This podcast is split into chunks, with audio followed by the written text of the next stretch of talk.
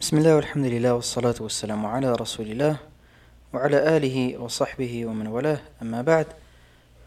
Beste luisteraars, assalamu alaikum wa rahmatullahi wa barakatuh. Welkom terug bij een nieuwe aflevering van een kijkje in het leven van de profeet sallallahu alayhi wa sallam.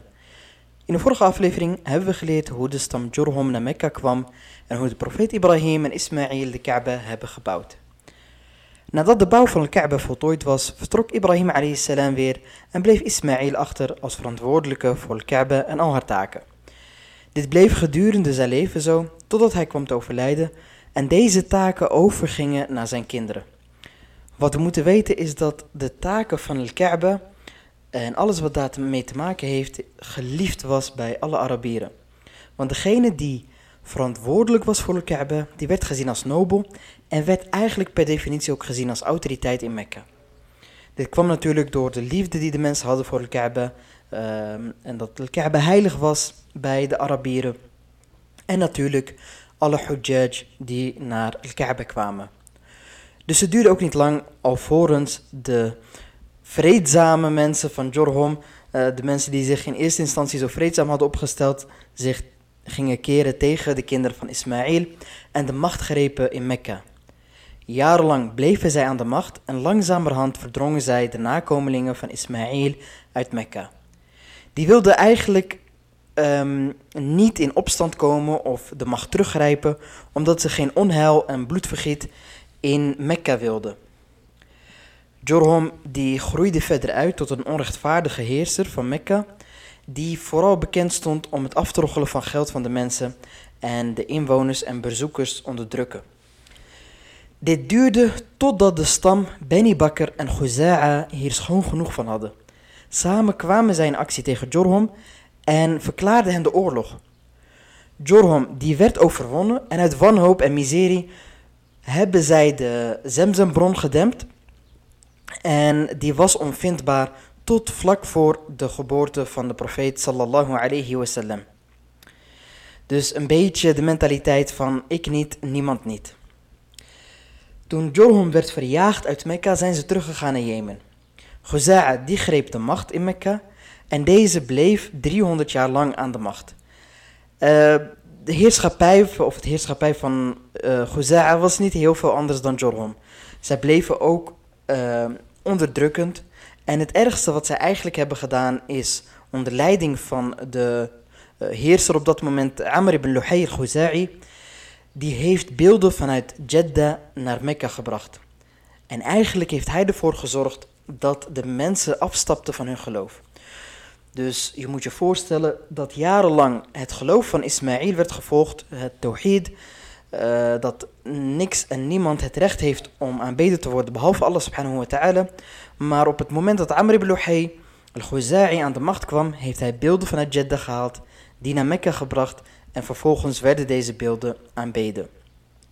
En er is niks ergers dan van het tawhid overgaan naar een shirk, afgoderij. En degene die daarin heeft bijgedragen, draagt de zonde van iedereen die hem volgt.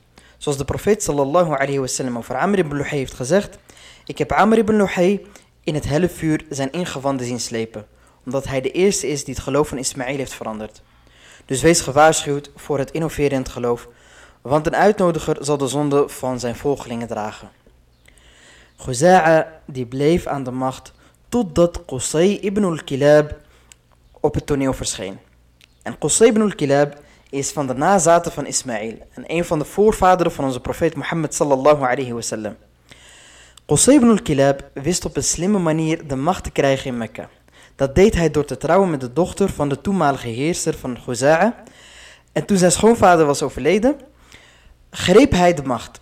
Omdat hij vond dat hij als nazaat van Ismaël het meest uh, terecht had om te heersen over Mekka. Qusay ibn al-Kilab haalde vervolgens de rest van Quraysh naar, uh, naar Mekka toe. Want die waren, nadat uh, Jorhum dus de macht had gegrepen, die waren allemaal verspreid. En die haalde hen allemaal naar Mekka en gaf hun allemaal een stukje grond. Um, en Qusay al-Kilab bleek ook een leider te zijn met visie. Want het eerste wat hij begon te doen, of een van de grote zaken die hij eigenlijk heeft gedaan in Mekka, is dat hij um, de uh, structuur bracht in, um, in uh, het zijn ja, van autoriteit of het zijn van leider van Mekka. We hebben het natuurlijk nog steeds over stammen. Mekka was geen koninkrijk. heel, ehm, ja, het hele Arabische schiereiland kende stammen die regeerden en elkaar aanvielen. Dus wat Qusay ibn al-Kilab deed was vrij revolutionair. Hij bracht structuur aan in de manier van regeren van Mekka. En van die belangrijke zaken die hij introduceerde waren vijf hoofdtaken die de leiders van Mekka zouden hebben. Dat is allereerst een nedwa. En een nedwa dat moet je zien als een soort van parlement. Uh, vervolgens al-hijaba. Al-hijaba waren alle taken die te maken hadden met al-Kaaba. Dus bijvoorbeeld ook het beheren van de sleutels. Dus niemand kon al-Kaaba in behalve als de leider dat wilde. Uh, na al-hijaba kwam al-siqaya. En al-siqaya is het water geven of de hujjaj voorzien van water. Dit water moest natuurlijk buiten Mekka gehaald worden, omdat uh, de Zemzembron nog steeds gedempt was. Dus de, de Zemzembron was onvindbaar. Na al-siqaya hebben we al-rifada. En al-rifada is het voorzien van de hujjaj van voedsel. En als laatste al-liwa. En dat is uh, vaandel dragen of de vlag dragen. En wat daar eigenlijk mee wordt bedoeld, of wat, uh, waar dat symbool voor staat, is dat de leider van Mekka mocht bepalen um, tegen wie er gevochten wordt en wanneer er gevochten werd. Deze plekken kregen, uh, of deze uh, taken kregen een hele belangrijke plek bij de Arabieren. Het werd een soort van paradepaardje, zoals we ook kunnen zien in de Koran. En wat vervolgens gebeurde dat Qusay ibn Kilab de volledige macht had.